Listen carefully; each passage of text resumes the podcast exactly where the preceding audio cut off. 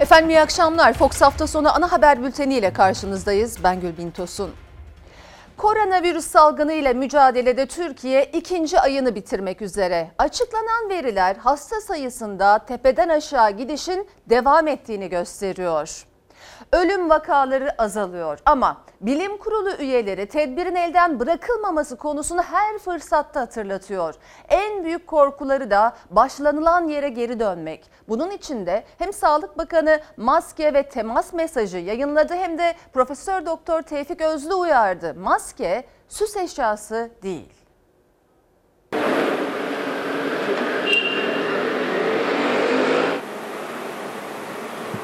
Son ana kadar yine İstiklal Caddesi'ndeydiler ama gece saat 12'yi gösterdiğinde sokağa çıkma yasayla birlikte bomboş kaldı caddeler. Gün aydınlandığında da birkaç gündür yoğun trafik görüntüsüyle gündeme gelen İstanbul bu kez bu şekilde kaydedildi. Ana yollar ve meydanlar bomboştu.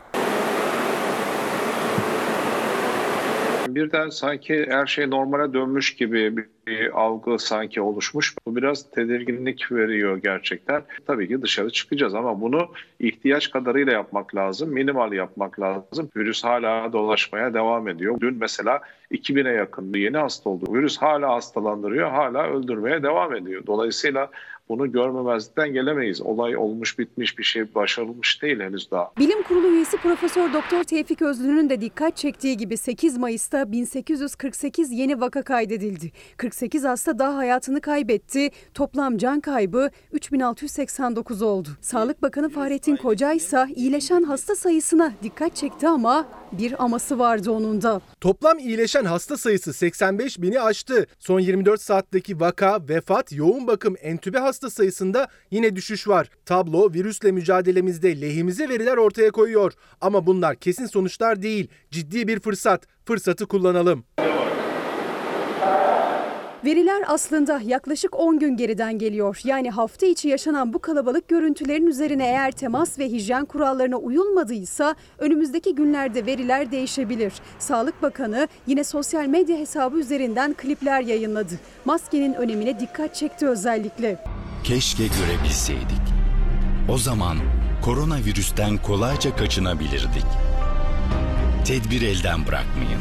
Ev dışında mutlaka maske takın ve sosyal mesafeyi koruyun. O zaman koronavirüs de sizi göremez. Virüs görünmüyor ve çok kolay bulaşıyor. Yani hiç affetmiyor. Usulüne uygun takmalı. Yani böyle takıyormuş gibi aksesuar değil bu. Bir gereç yani olmazsa olmaz bir gereç. Ağzımızı, burnumuzu, çenemizi kapamalıyız. Yani ciddi bir şekilde takmalıyız. Öyle burnunu dışarıda bırakıyor, ağzını dışarıda bırakıyor. O şekilde bu süs eşyası değil yani. Ama semt pazarlarında profesörlerin eleştirdiği bu fotoğraf kaydediliyor hemen hemen her gün. Sağlık Bakanlığı normalleşmeye geçiş sürecinde özellikle test sayısını arttırdı. 8 Mayıs rakamlarına göre toplam test sayısı 1 milyon 200 bini aştı. Hedef 1,5 milyonu da aşmak kısa sürede. Çünkü bilim kurulu için ikinci dalga değil ilk dalgada geriye gitmemek önemli. Bizim şu anda korktuğumuz ikinci dalga değil. Birinci dalgada tekrar geriye dönmek. Çektiğiniz zahmetlerin, çabaların boşa gitmesi. Tekrar bir yükseliş e, trendine girme. Böyle bir risk var şu anda. Hastalarımızın tümünü taburcu eder, tedavi eder. Birinci dalgayı tamamen bitirirsek o zaman ikinci dalga riskini konuşur ve onu önlemeye çalışırız. Risk sürüyor. Bu nedenle sokağa çıkma yasakları da. Hafta sonu evde kalacak Türkiye. Yasaktan muaf olan fırıncılar ve sucuların yanınaysa bu hafta sonu çiçekçiler de eklendi. Onlar da anneler günü mesaisinde. Bakanlığımızdan izin çıktı bizler için.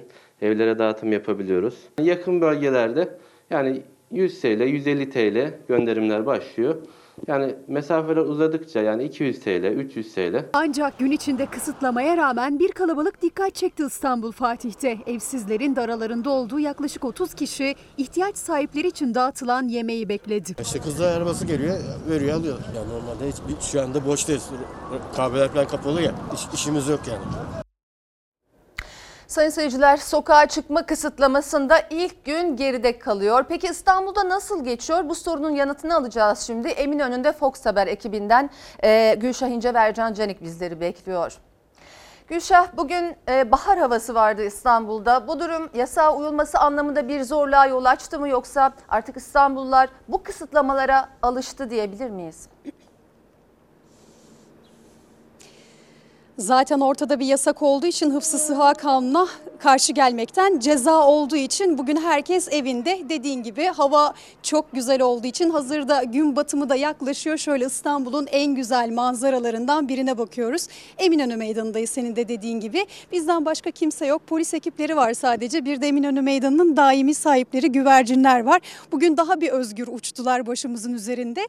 Hafta içi özellikle iki gün önce Perşembe günü tam bu noktada yine kameraların karşısında şu cümleyi kurmak zorunda kalmıştım arkamdaki manzaraya bakarak.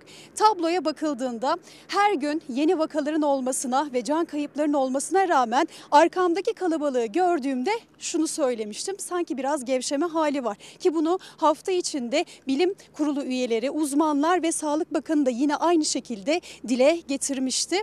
Şimdi şöyle baktığımızda manzara bu. Bugün çekilen tüm fotoğraflar bu şekilde insansız İstanbul fotoğrafları çekildi ama geçtiğimiz günlerde hafta içinde özellikle Perşembe ve Cuma günü hafta sonu yasağa yakınlaştıkça o günlerde buradaki kalabalık giderek artmıştı. Şimdi burası Ramazan'ın da geleneksel alışveriş adreslerinden biri olduğu için ama aynı zamanda dar sokaklarda olduğu için sosyal mesafe konusunda biraz sıkıntı yaşanmıştı. Az önce haberde de izlediniz. Sadece sosyal mesafe değil Profesör Doktor Tevfik Özlü söyledi. Maskeler şimdi ben tabii kimse olmadığı için rahatlıkla bu şekilde konuşabiliyorum ama maskeler genelde şu şekildeydi aslında maskenin tam olarak bu şekilde takılması gerekiyordu ama geçtiğimiz günlerde yine bu çarşıda da bu görüntülere rast geldik. Peki bundan sonra ne olacak? Aslında bu manzarayı özellikle çekmek istedik. Çünkü önemli olan pazartesi günü. Yani pazartesi günü yine buraya geldiğimizde şöyle arkaya doğru baktığımızda bizi nasıl bir görüntü karşılayacak? Aslında bunun içinde İstanbul Tıp Fakültesi dekanı dün akşam bir tweet attı ve o tweette dedi ki Perşembe ve Cuma günkü görüntülere baktığımda hafta sonu yasağın etkilerinin aslında ne kadar etkili olup olmayacağı konusunda endişem var dedi. Ki bu endişe de aslında genel bir endişenin dışa vurumuydu. Şimdi yine aslında ilerleyelim. Sadece görevliler var ileride. Belediye ekipleri yine aynı şekilde hafta sonu sokağa çıkma, çıkma yasağını fırsat bilerek gerekli önlemleri, temizlik önlemlerini de alıyor ama şu an için hafta içi özellikle yoğunluğun yaşandığı bu noktada kimse yok ama dediğimiz gibi iki fotoğrafı kıyaslıyor olacağız pazartesi günü. Bugün bu manzaranın yanına pazartesi nasıl bir fotoğraf çekilecek? Peki teşekkür ediyorum. Sayın seyirciler yeni vaka sayılarında düşüş yaşanmaya devam ederse Türkiye'nin normalleşme takvimi 4 aşamalı plana göre gerçekleşecek. En çok tartışılan konulardan biri de normalleşme takviminde yer alan liglerin başlaması. Tepkiler sürerken bir korona pozitif vakası da Beşiktaş'tan geldi. Normalleşme adımlarından biriydi. Liglerin 12 Haziran'da başlaması kararı alındı ama tartışması sürüyor. Ve o tartışmalar arasında Beşiktaş kulübünden bir futbolcu ve kulüp çalışanının korona testi pozitif çıktı. Gözler tekrar Türkiye Futbol Federasyonu'na çevrildi.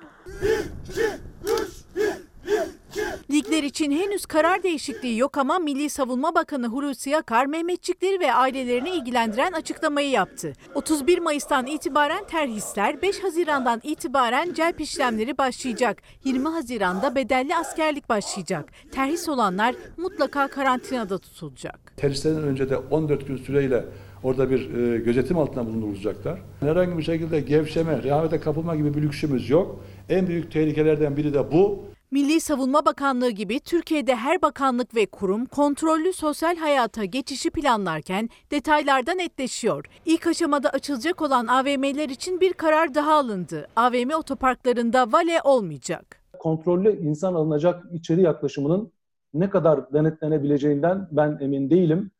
Bunun yerine bir süre daha hiç olmazsa Haziran'ın ikinci haftasına kadar beklenmesinde büyük yarar görüyor. Normalleşme takvimi 4 aşamalı plana göre gerçekleşecek. Birinci aşama pazartesi günü 11 Mayıs'ta başlıyor. İkinci aşama 27 Mayıs 31 Ağustos, üçüncü aşama 1 Eylül 31 Aralık, dördüncü aşama ise aşının bulunmasının beklendiği 1 Ocak 2021 ve sonrası olarak planlandı. Çok merak edilen kafe ve restoran açılışı ikinci aşamada yer aldı. Yani Ramazan bayramı sonrası. Sosyal hayatın en önemli unsurlarından biri kafe ve restoranlarında ne zaman açılacağı merak ediliyor. Belki arkadaşlarınızla bir kafeye gidip kahve içip sohbet etmeyi özlediniz ama oralarda da hiçbir şey eskisi gibi olmayacak. İçerideki masa ve sandalye sayısı azaltılacak, mutlaka maske takılacak. Haziran ayında 65 yaş üstüne de iyi haber gelebilir. Vaka sayısındaki düşüş devam ederse Haziran sonunda sokağa çıkma yasağının tamamen kalkması hedefleniyor. Seyahat yasakları da hafifleyecek. İç hat ve dış hat uçuşları bayram sonrası 28 Mayıs'ta kademeli olarak başlayacak. Oturma düzeni de değişecek, orta koltuk boş kalacak. Ağustos'ta ise eğitimle ilgili takvimin netleşmesi bekleniyor. Salgın kontrol altına alınırsa okullar Eylül'de açılacak ama yine bazı kurallar ve önlemlerle. Pazartesi günü Türkiye yeni bir aşamaya geçecek ama Bilim Kurulu üyesi Profesör Doktor Hasan Tezer endişeli. Kurallara uyulmazsa, sokağa çıkma yasağının hemen ardından sokaklar dolarsa virüs salgınında ikinci hatta üçüncü dalga bile olabilir dedi. Bir önemli uyarısı da havanın ısınmasıyla bir an önce kendini denize, havuza atmanın hayalini kuranlar içindi. Tatili konuşmak için daha çok erken dedi. Sürekli duyurularımıza rağmen sokaklarda insan kalabalığının arttığını görüyoruz. Evde kalın diye uyarılar yapılıyor. Ne yapayım evde? Sorayım senin. Ben eve ne yapayım yani? İnsanların bize sürekli sordukları soru Mayıs'ın sonuna kadar e, iyi bir düzeye gelecek miyiz diye. Eğer ki uymazsak kurallara ikinci dalga kaçınılmaz olur. Üçüncü dalga bile görülebilir. Bilim Kurulu üyesinden çarpıcı bir uyarı geldi. Profesör Doktor Hasan Tezer kurallara uyulmazsa salgında ikinci hatta üçüncü dalga bile gelebilir dedi. Daha da sıkı bir şekilde kurallara uymamız gereken bir döneme giriyoruz. Ama sokağa çıkma kısıtlaması olmadığı günlerde sokaklar, pazarlar, parklar, sahiller, toplu taşıma araçları kalabalıklaşmaya başladı. Bilim Kurulu üyesi Tezer keyfi sokağa çıkıp üzerine de kurallara uymayıp toplum sağlığını tehlikeye atanlara tepkili. Dikkat etmemiz gereken dönemlerin daha da olduğunu bildirmemize rağmen sokaklar kalabalık. Sanki yazın okullar tatilmiş, insanlar sokaklarda çıkmış gibiler. Çocuklar uzaklaşın, uzaklaşın. Siz geldiniz ama toplandılar bir araya. Yoksa... Top oynuyorlar burada. Top oynuyorsunuz çocuklarla. Evet oynuyoruz. Tamam çıkacağız şimdi çıkalım. Maskeniz Maskemi çöpe attım. Hala takmak zorundayız maskeleri. Belki yıl boyunca takacağız. Havanın ısınmasıyla sadece sokağa çıkma değil, tatil planları da başladı. Sanki artık o seviyeye geldik. Tatili mi konuşuyoruz? Algısının oluşmasını ben istemiyorum. Havuzu ve e, denizi konuşmanın şu an çok erken olduğunu vurgulamam özellikle istiyorum. Profesör Hasan Tezer tatili konuşmak için erken vurgusu yaptı. Deniz ve havuzdan koronavirüs bulaşır mı sorusuna ise hayır dedi ama önemli bir notla. Suyla bulaşmaz ama biz bizimle bulaştırırız. Herkes cumhur cemaat havuza atladığı zaman bulaşmayacağı anlamına gelmez. Benzer şekilde de deniz için aynı şeyi söyleyebiliriz. Sahiller, oteller dolunca virüs tehlikesi de artıyor. Gözünüz önüne getirin kendiniz. Havuzdan çıkarken insanların bazen çocukların, büyüklerin ağzından sekresyonlar akıyor. Havuzdan çıktıktan sonra bir şezlonga şurada geçici oturuyum deyip kalkıp gideceksiniz. Oradaki sekresyonlarınızla bulaşabilir. Bunun garantisi yok. Bilim Kurulu üyesi ikinci hatta üçüncü salgın dalgasından endişeli. Tedbirlerse kontrollü sosyal yaşam adıyla bu hafta başından itibaren hafiflemeye başlayacak. AVM'ler, kuaför güzellik salonları ve berberler açılacak. Bir uyarı da saçlarını yaptırmak isteyenlere geldi. Salgın günlerinde fön çektirmemeye çalışın dedi Tezer. Fön makinelerde yüksek akımlı havayla çalışıyor. Eğer ki mikroorganizma varsa kişide etrafa dağıtabilir. Gerekirse fön kullanmayın ya da düşük akımla kullanın. Cumhurbaşkanı Erdoğan bugün İstanbul'da denetimdeydi. Koronavirüsle mücadele kapsamında inşaatına başlanan iki hastaneyi hem havadan hem de yerinde inceledi. Hastanelerin büyük bölümünün tamamlandığı görüldü. İstanbul'un yapımı 45 günde tamamlanması planlanan iki pandemi hastanesinde başlayan çalışmalar bir ayı aşkın süredir devam ediyor. Hastanelerin %80'i tamamlandı. İnşaat çalışmalarında artık son aşamaya gelindi. Cumhurbaşkanı Erdoğan yapımı devam eden iki hastaneyi hem havadan hem de yerinde inceledi. Cumhurbaşkanı Erdoğan'ın ilk durağı Sancaktepe'deki pandemi hastanesiydi.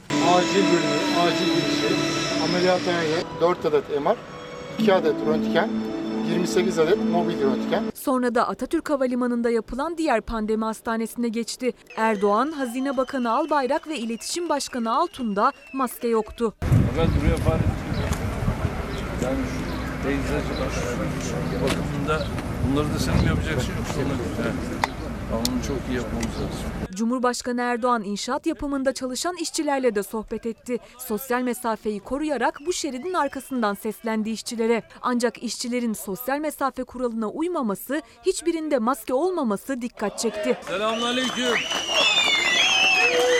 Sizleri tebrik ediyorum. Yani Çok- çok başarılı bir iş çıkarıyorsunuz. Hele hele bu koronavirüs döneminde sizin bu çalışmayı ortaya koymanızdan dolayı şahsım, arkadaşlarım, milletim adına size çok teşekkür ediyorum. İki pandemi hastanesi de açılış için gün sayıyor. Bin kişi kapasiteli hastanelerde koronavirüs hastaları tedavi edilecek. Hastanelerde odalar hazır.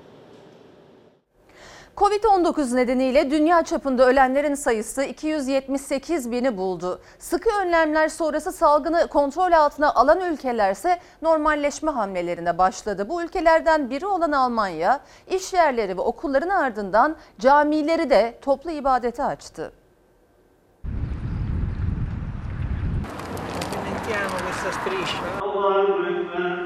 Normalleşme adımları ardı ardına atıldı. İş yerleri ve okullar açıldı. İnsanlar sokağa çıktı. Yeni hamle Almanya'dan geldi. Haftalar sonra camilere toplu ibadet izni verildi.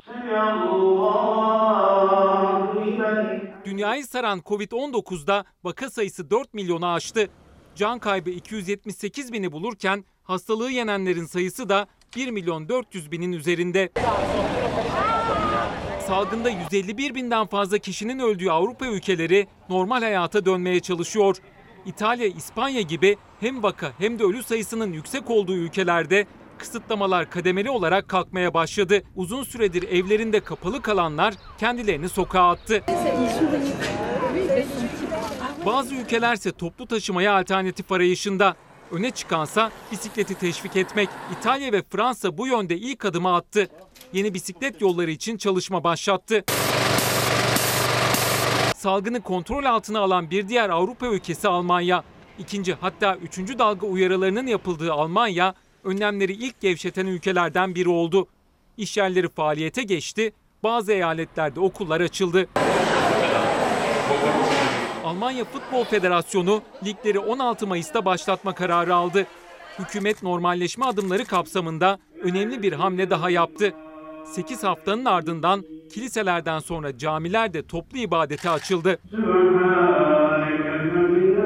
Rabbim inşallah dediğim gibi en kısa zamanda tekrar kendi usulümüz adabımızca e, namaz kılmaya kavuştursun bizleri inşallah. Ülkedeki camilerin çoğu sabah namazıyla açıldı. Cemaat camiye girmeden önce isim ve iletişim bilgilerini verdi. Elleri dezenfekte ettikten sonra 1,5 metrelik sosyal mesafe kuralına uyarak saf tuttu. Namazı maske takarak kıldı. Uzun zaman sonradır cemaatimizle birlikte sabah namazımızı kılmayı, hocamızı görmeyi, dualar okumayı, birlikte namaz kılmayı çok özledik. Namaz sonrası görevliler caminin içini dezenfekte etti. Almanya'da camilerde şimdilik sabah, öğle ve ikindi namazlarının cemaatle kılınmasına onay verildi. Diyanet İşleri, Türk İslam Birliği Genel Başkanı Kazım Türkmen, yakın zamanda teravih ve cuma namazları içinde izin çıkmasının beklendiğini söyledi. Camilerin toplu ibadete açıldığı bir diğer ülke Bosna Hersek oldu. Covid-19 nedeniyle yüzün üzerinde kişinin öldüğü Bosna Hersek'te ilk cuma namazı kılındı. Bosnalılar uyarı sonrası camiye kendi seccadeleriyle gitti. Sosyal mesafe ve hijyen kurallarına uyarak namaz kıldılar. AVM'ler açılıyor, camiler neden kapalı sorusu soruluyordu. İlk yanıt Saadet Partisi Genel Başkanı Temel Karamollaoğlu'ndan geldi. Saadet lideri dünyayı işaret etti. Pek çok yerde kapalı değil dedi. Ama karar içinde bilim kuruluna adres gösterdi. Sadece AVM cami tartışması değil, maske, demokrasi, ekonomi, siyasetin sıcak başlıkları listesinden hiç eksik olmuyor. Alışveriş merkezleri 11 Mayıs'tan itibaren hizmet vermeye başlayabilecek. AVM'lerden de çok baskı var. AVM'leri açarım olmaz. Bilim kurulunun ben AVM'ler açılsın kararı verdiğine inanmıyorum. Dünyanın birçok yerinde camiler kapalı değil. İlim adamlarımızın verdikleri bu konudaki kararlara uyulmasının isabetli olduğu kanaatindeyiz. Siyaset korona ile mücadelede normalleşme adımlarını tartışıyor. AVM'lerin hafta başından itibaren açılması kararı için acele edildi diyor muhalefet. AVM'ler açık, camiler neden kapalı sorusuna ilk yorum Saadet Partisi Genel Başkanı Temel Karamollaoğlu'ndan geldi. Bilim kurulunu işaret etti. İnsanların camiye belli mesafelere riayet etmelerini telkin ederek buralar da aslında açılabilir. Eminim ben grup grup insanlar bazı yerlerde bir araya geldiklerinde cemaatle namaz kılıyorlardır. Tedbirsiz tevekkül cehalet alametidir. Her kararı Türkiye'de şu sokağa trafiği açalım mı açmayalım mı noktasına kadar artık Tayyip Bey'e sorulmadan Türkiye'de iş görülmez hale geldi. Siz Futbol kadar Federasyonu'nun Cumhurbaşkanlığı rızası olmadan maç oynatabileceğini düşünüyor musun? Benim 5 insanım Covid'den öleceğine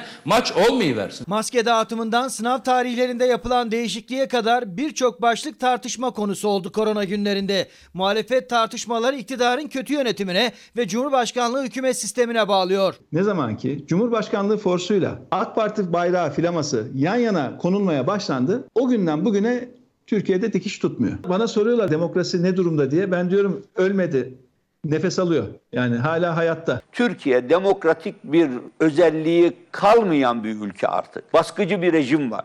Ona biat yetmiyor. Erdoğan biz sana itaat etmeyeceğiz. Sana itaat etmemek için buradayız biz. Koronavirüs salgınıyla birlikte iktidarla muhalefeti karşı karşıya getiren en sıcak başlık ekonomi. Dövizdeki son dalgalanmayı iktidar cephesi İngiltere merkezli bir finansal saldırı olarak değerlendirdi. İtiraz geçmiş AK Parti hükümetlerinde ekonominin dümeninde oturan Deva Partisi Genel Başkanı Ali Babacan'dan geldi. Düşman ara, arayacak olursanız düşman çok. Ama siz ne yapıyorsunuz? Siz niye gerekli önlemlerinizi zamanında almadınız? Niye bir inat uğruna Merkez Bankası'nın rezervlerini erittiniz? 2008 krizinden daha derin bir kriz bekliyor bizi. Çünkü Türkiye şu anda Merkez Bankası rezervleri negatif. Böyle bir tablo hiç olmadı. Benim aklıma bile gelmezdi yani Türkiye Cumhuriyeti Devleti'nin saman ithal edeceği. CHP'nin salgına ve nice saldırılara karşı direnen Türkiye ekonomisiyle ilgili felaket tellallığına soyunması utanmazlık sayılmayacak mıdır? İşbirlikçiliğe bakınız. Türkiye batsa havalara uçacaklar. Ekonomimize saldırı olur. İnsanlar ekmeğinin geleceğinin derdine düşmüşken siz oradan siyasi rant devşirme peşinde koşarsınız. Türkiye çok daha iyisini hak ediyor. Böyle yönetilmeyi hak etmiyor açıkçası. Yazıktır, günahtır. Sırf kötü yönetim yüzünden bakın fakirlik geliyor kapımızda. Sırf kötü yönetim yüzünden işsizlik artıyor. Kimse suçu başkalarında aramasın. Virüsün sağlığa etkisi elbette ki ilk sırada ama salgın nedeniyle işini, gelirini kaybedenlerin sayısı da her geçen gün artıyor. Araştırmalara göre işten atılma oranlarında rekor, geliri 1000 liranın altında olanlarda. Bu süreçte iş ilanları da yeni işe girebilenlerin sayısı da iyice düştü. Sorunumuz çalışmamakta. Şimdi evde otur da aç karnına evde oturulmaz yani. Kiramız var, kredimiz var. Otur evde otur ama ne yiyeceksin ne yiyeceksin soran da yok. Kuru kuru evde otur denilmez. Evde otur dediğin zaman o şeyi karşılaman lazım. Simit satıyorsunuz. Sizin işlerde bir yasaklama bir şey oldu mu? Ya garibana yaşamak bile yasak. Yani yasak da ne yapacağız, ne yiyeceğiz, ne içeceğiz yani konu bu yani. Aslında koronavirüs tedbirleri kapsamında simit satması yasak ama yasağa karşı gelmeyi göze alarak çıktı sokağa. Üç çocuk sahibi 55 yaşında Hüseyin Yalçın kirasını faturasını ödemesi için kazanması gerek. Hali hazırda yaşanan geçim sıkıntısının Covid-19 sürecinde nasıl perçinlendiğini araştırmalar da gösteriyor. İlk rapor kapısı önündeki kalabalık her geçen gün artan işkurdan geldi. Nisan ayında 30.556 kişi işe yerleştirilebildi. Mart ayında rakam 74.331'di. Salgın sürecinde işkur vasıtasıyla iş bulabilenlerin oranı %58 azaldı. İş ilanı veren işverenlerin oranında da büyük düşüş var. Cumartesi pazar evde kalacağız. E, kira geldi. Bir, bir haftada önce bize soruyor kira ne oldu? Bir başka araştırmaya göre salgın en çok geliri 1000 liranın altında olanları etkiledi. Metropol Araştırma Şirketi 28 ilde 1288 katılımcıya sordu. Geliri 1000 lira ve altında olanların %70'i salgın sürecinde işsiz kaldı. Normalde giyim işi iş yapıyoruz, giyim yok. Geçim yok ki zaten 3 aydır evde yatıyoruz, mecbur kalıp bunları satıyoruz. Günlük geçimini sağlayabilmek için bulduğu işe tutunanlar gibi geleceği göremeyen, umudunu yitirenler de var. İş kurum verilerine göre Nisan 2019'da 200 bin olan açık iş sayısı Nisan 2020'de 52 bine geriledi. Bahçeşehir Üniversitesi Ekonomik ve Toplumsal Araştırmalar Merkezi'nin raporuna göre ise rakamlara yansıyan tabloyu hayatta bizzat yaşayan işsizler artık iş aramaktan da vazgeçti. Sadece bir iş arama sitesine başvuranların sayısı Şubat'tan Nisan'a yarı yarıya azaldı. Raporda salgının kontrol altına alınmasının ardından işsizlikte tsunami etkisinin yaşanabileceğine de dikkat çekiliyor. İşsizlik maaşı için değil mi abi? Evet abi işsizlik maaşı.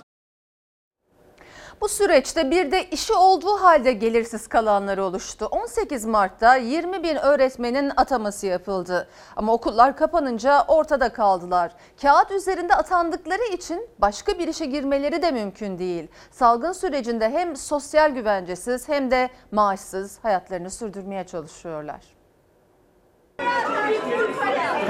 Kastamonucu değil. Ben 18 Mart'ta atanmış ama göreve başlatılmayan 20 bin öğretmenden biriyim. Ne atandık ne atanmadık. Ortasında kaldık. Resmen atandığımıza pişman olduk diyebilirim. Herhalde atanmasaydık daha iyi olurdu. Aslında onlar atama bekleyen yüz binlerce öğretmen arasından şanslı olanlardı. 20 bin kişinin 18 Mart'ta atamaları yapıldı. Ancak hala işsizler. Eylül'e kadar yani okullar açılana kadar da göreve başlamaları beklenmiyor. 50 günü aşkın süredir ne maaş alabiliyorlar ne de sosyal güvenceleri var. Arkadaşlarımız çok ciddi ekonomik sorunlar yaşıyorlar.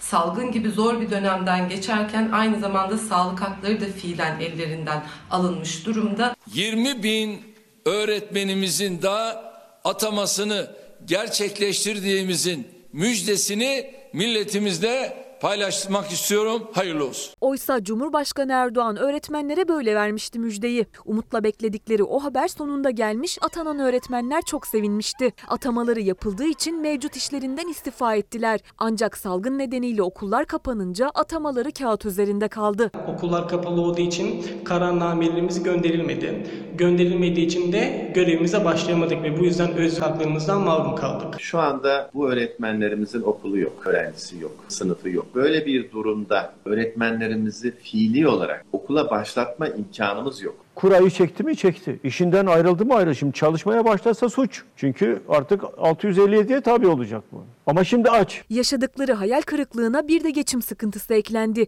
ve okulların kapalı olduğu her geçen gün sıkıntıları daha da artıyor. İşsiz ve güvencesiz bir şekilde yaşamımıza sürdürmeye çalışıyoruz. Çoğumuzun bakmakla yükümlü olduğu bir ailesi var.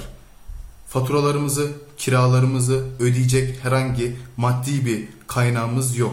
Manevi olarak da bu süreçte oldukça yıprandık. İşsizliğe ve açlığa terk edilmiş vaziyetteyiz. Uzaktan eğitim süreci devam ediyor.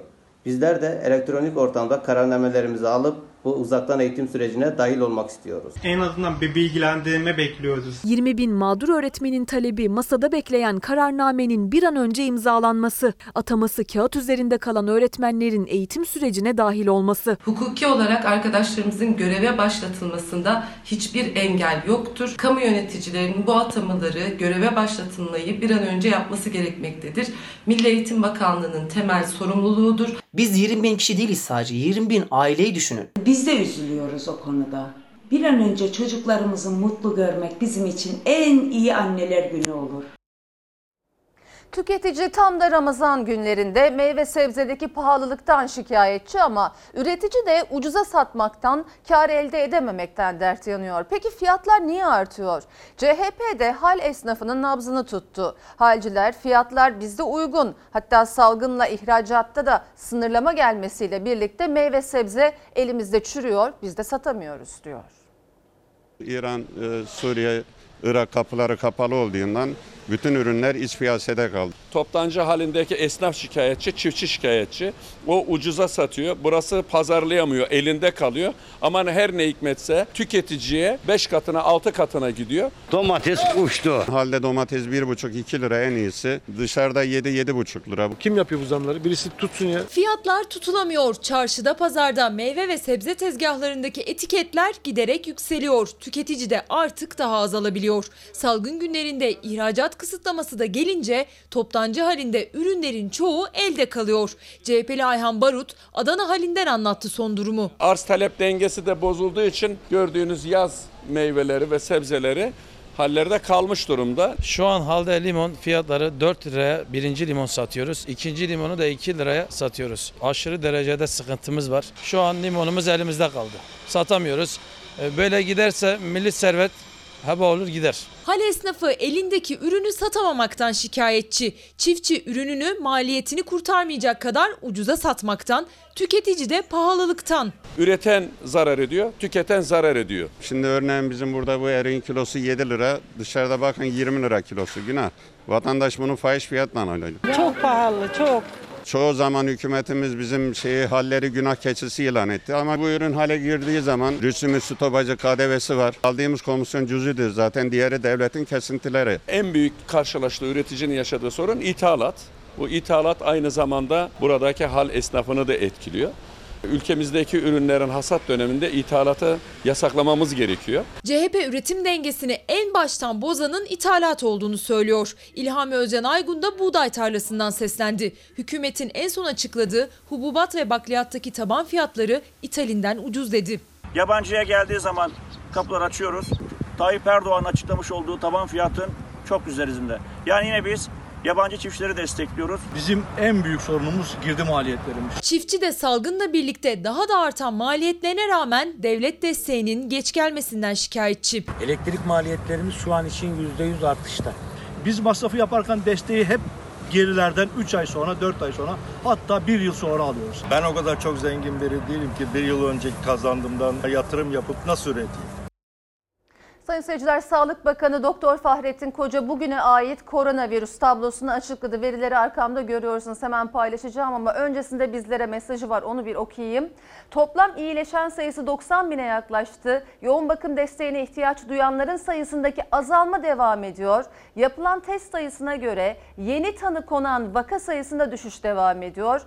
Ama tedbiri elden bırakmayalım diyor Sağlık Bakanı ve bugünkü tabloyu sizlere aktaralım. Bugünkü test sayısı 35.605. Bugünkü vaka sayısı 1546.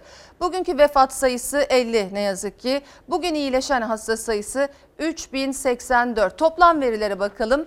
Toplam test sayısı 1 milyon 334 bin 411 oldu. Toplam vaka sayısı 137 bin 115. Toplam vefat sayısı 3739. Toplam yoğun bakım hasta sayısı 1168. Toplam entübe hasta sayısı 628. Toplam iyileşen hasta sayısı 89.480. Şimdi dünkü tabloyla kıyaslama yapabileceğiz. O da geldi. Şimdi bakalım. Ee, dün 33.680'li test yapılmış. Test sayısı bugün 35.605'e yükselmiş. Vaka sayısı dün 1848 iken bugünkü vaka sayısında da düşüş var. 1546 bunlar hep iyi veriler, e, umut verici veriler diyoruz. Dün 48 vatandaşımız hayatını kaybetmiş. Bugün ne yazık ki vefat sayımız 50. Dün 3412 hastamız iyileşmiş. Bugün ise 3084 hastamız iyileşmiş sevgili seyirciler. E, günlük korona tablo virüsü tablosu böyleydi. E, hayatını kaybeden vatandaşlarımıza Allah'tan rahmet dileyelim ve devam ediyoruz.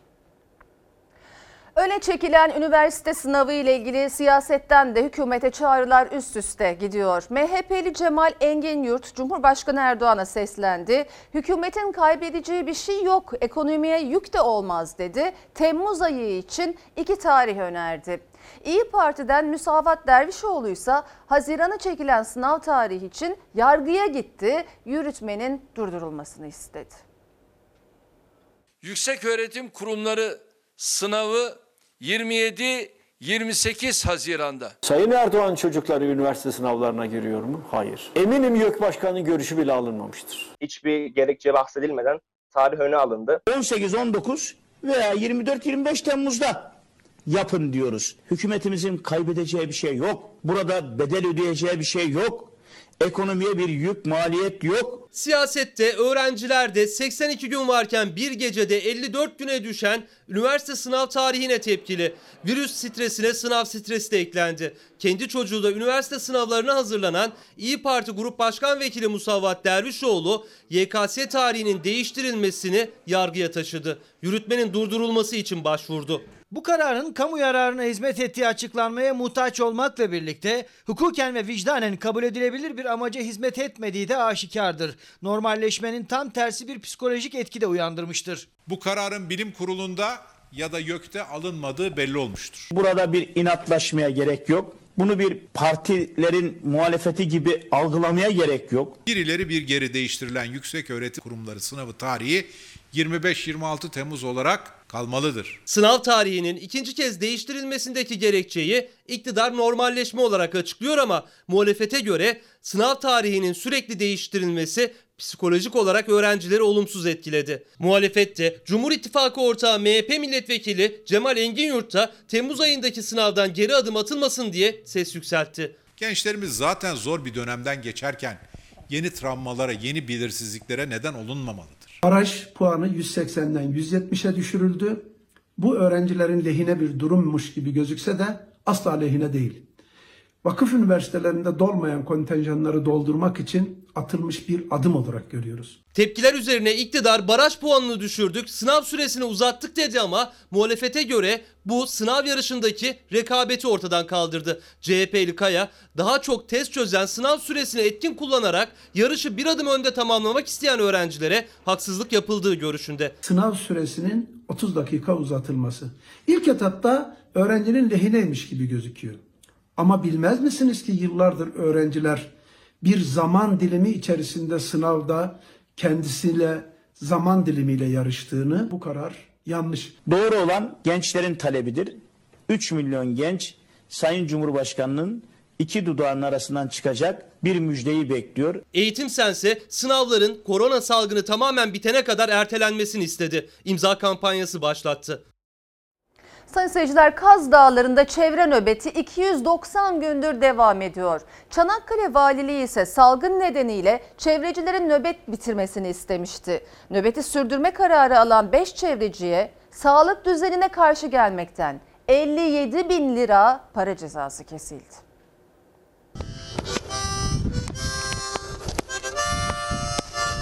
Yedi aydır ruhsatı yenilenmeyen şirket hala alanda varlığını sürdürüyor.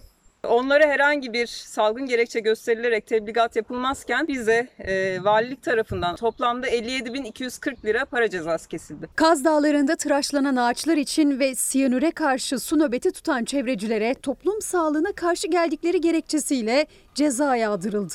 5 çevreciye 57 bin lira ceza kesildi. Madendeki faaliyet durana kadar nöbeti bırakmayacaklarını açıklayan çevreciler cezaya ama daha çok gerekçeye isyan etti. Tutanağa göre 5326 e, sayılı kabahatler kanunu ihlal ettiğimiz ki bu kanunun amacı e, toplum düzeni, e, genel ahlak, genel sağlık, çevre ve ekonomik düzenin korunması için alınmış. Burada 9 aydır sağlıklı bir çevrede yaşama hakkı, gelecek nesillere yaşanabilir bir dünya bırakmak maksadıyla nöbet tutuyorken nasıl bu kabahati işlemiş oluruz?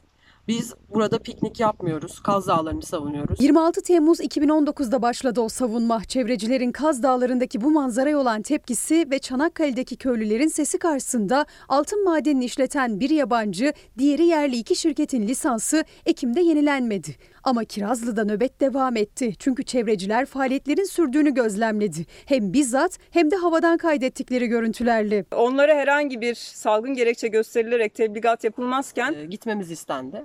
Madeni işleten yabancı şirketin yılın ilk çeyreğine ilişkin raporlarında da çevrecilerin iddiası doğrulanmış oldu. Çünkü Ocak ve Mart döneminde yani lisansın iptaline rağmen 2020 yılı için Kirazlı'daki madene 1.6 milyon dolar harcama yapıldığı ve 1.4 milyon dolar da işletme sermayesi ödendiği ortaya çıktı. Pandemi süreci bize gösterdi ki daha çok altına değil sağlıklı bir çevrede yaşamaya ihtiyacımız var.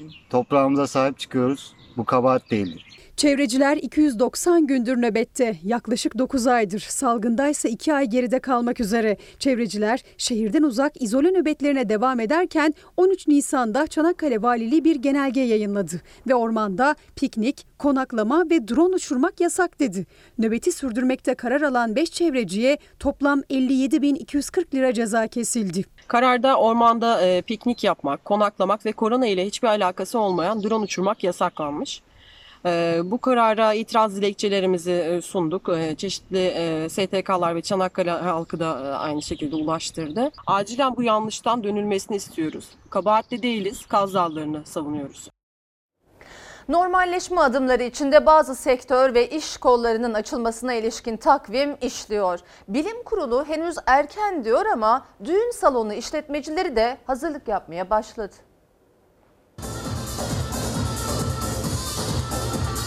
Öncelikle hani şunu söylemekte yarar var. Eskiden olduğu gibi eski adetlerimize, örflerimize uygun şekilde düğün yapmak bayramdan sonra da öyle kolayca olacağı benzemiyor. Bilim Kurulu bayramdan sonra da mümkün değil dedi. Düğün salonu işletmecileri yine de kendi formüllerini geliştirdi.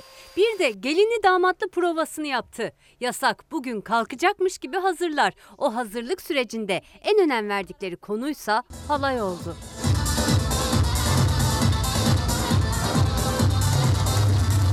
Koronavirüs salgını gösterdi ki Türkiye halaydan vazgeçemiyor. Sağlık Bakanlığı'nın tüm ciddi uyarılarına rağmen İstanbul Zeytinburnu'nda çekilmişti bu görüntüler. Tepkilere karşın ardı arkası kesilmedi.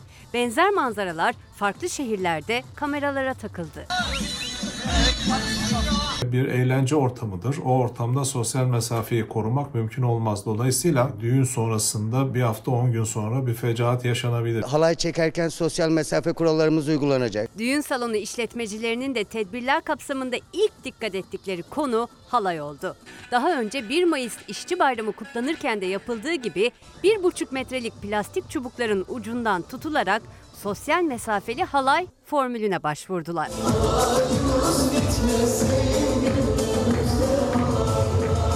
Halayı masadan izlemek isteyenler için de tedbirler var. 10 kişilik masalara 4 kişi oturacak düğün salonlarında.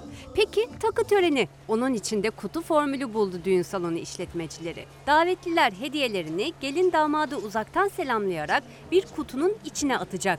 Ateşi ölçülmeyen, maskesi olmayan salona alınmayacak ve konuklara sık sık kolonya ikram edilecek. Düğün saloncuları ve organizasyonculardaki tüm meslektaşlarımıza sendika olarak genelgemizi yayınladık. İşletmeciler düğün ekonomisini de düşünerek salonların bir an evvel açılmasını umuyor. Ancak bilim kurulu henüz yeşil ışık yakmadı. Çiçekçiler Anneler Günü nedeniyle sokağa çıkma kısıtlamasından muaf tutuldu. Yarın açık olacaklar. Kısıtlamanın olduğu illerde çiçekler sipariş yoluyla evlere teslim edilecek.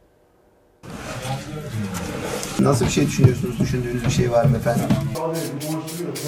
Tempomuz çok hızlı. Ee, yarına e, bayağı bir sipariş aldık. Güller, karanfiller, orkideler, çiçekler de çiçekçiler de anneler gününe hazır. Anneler sevinecek, salgından dolayı işleri duran esnaf da biraz olsun nefes alacak. Gelir seviyemiz minimuma inmişti. Bu da bu durum biz gerçekten çok üzüyordu. Çok şükür hafta sonu açık olacağız. Anneler günü nedeniyle. Koronavirüs salgını dünyada olduğu gibi Türkiye'de de çok sayıda sektörü zora soktu. O sektörlerden biri de çiçek üreticileri. Satışlar tamamen durma noktasında. Ortada halk yok dediler. Yani halk sokağa çıkamıyor.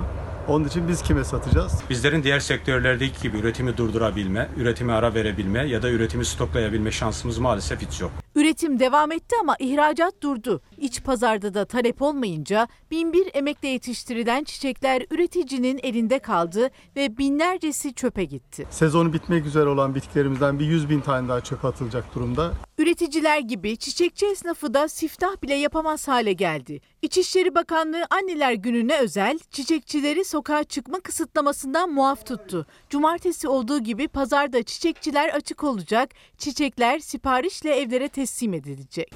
Tamam karışık karma bir buket hazırlıyorum o zaman sizin için. Tabii işlerimiz bayağı bir düşüktü e, şey olarak ama bugün anneler günü olduğu için biraz canlılık var. Siparişler 3-4 gün önceden başladı. Çiçekçiler telefonlara yetişmekte zorlanıyor. Vatandaşların ilgisi esnafa hem moral hem de can suyu oldu. Diyoruz ki tekrar e, annelerimiz evde kal, çiçeklerinizi biz getiririz. Anastasyalar, lisyantuslar, assamarya çiçekleri, kokulu şebboylar var. Bunlar en çok tercih edilenler arasında annelerimiz için. Yani ortalama bir hafta dayanıyor. Fiyatlar da koronavirüs öncesiyle hemen hemen aynı. 40 gündür falan kapalı kaldık. Bayağı bir zayiatımız oldu ama fiyatlarımızda herhangi bir artışımız yok. 50 liradan e, 150'ye kadar, 200'e kadar çiçek hazırlıyoruz. Annelerimiz çok uzun zamandır evde kapalı kalmak zorunda kaldılar. İşte bizler diyoruz ki bu süreç içerisinde her zamankinden daha fazla çiçeğe ihtiyaç var. Annelerimize lütfen çiçek alalım. Sayın seyirciler araya gitmemize çok az bir süre kaldı ama e, hep merakla beklediğimiz tabloyu, koronavirüs tablosunu sizlerle paylaşalım istedik tekrar. Bugünkü test sayısı 35.605. Düne göre test sayısında artış var belirteyim. Bugünkü vaka sayısı 1546. Düne göre azalma var bu da sevindirici. Vefat sayısı 50 ne yazık ki 50 vatandaşımızı kaybettik. Bugün iyileşen hasta sayısı 3084 olarak açıklandı Sağlık Bakanı tarafından. Ve şimdi ara diyoruz. Efendim Fox hafta sonu ana haber bültenini burada noktalıyoruz. Fox'ta yayın Hababam sınıfı askerde ile devam edecek. İyi bir akşam geçirmenizi diliyoruz. Hoşçakalın. Dostuma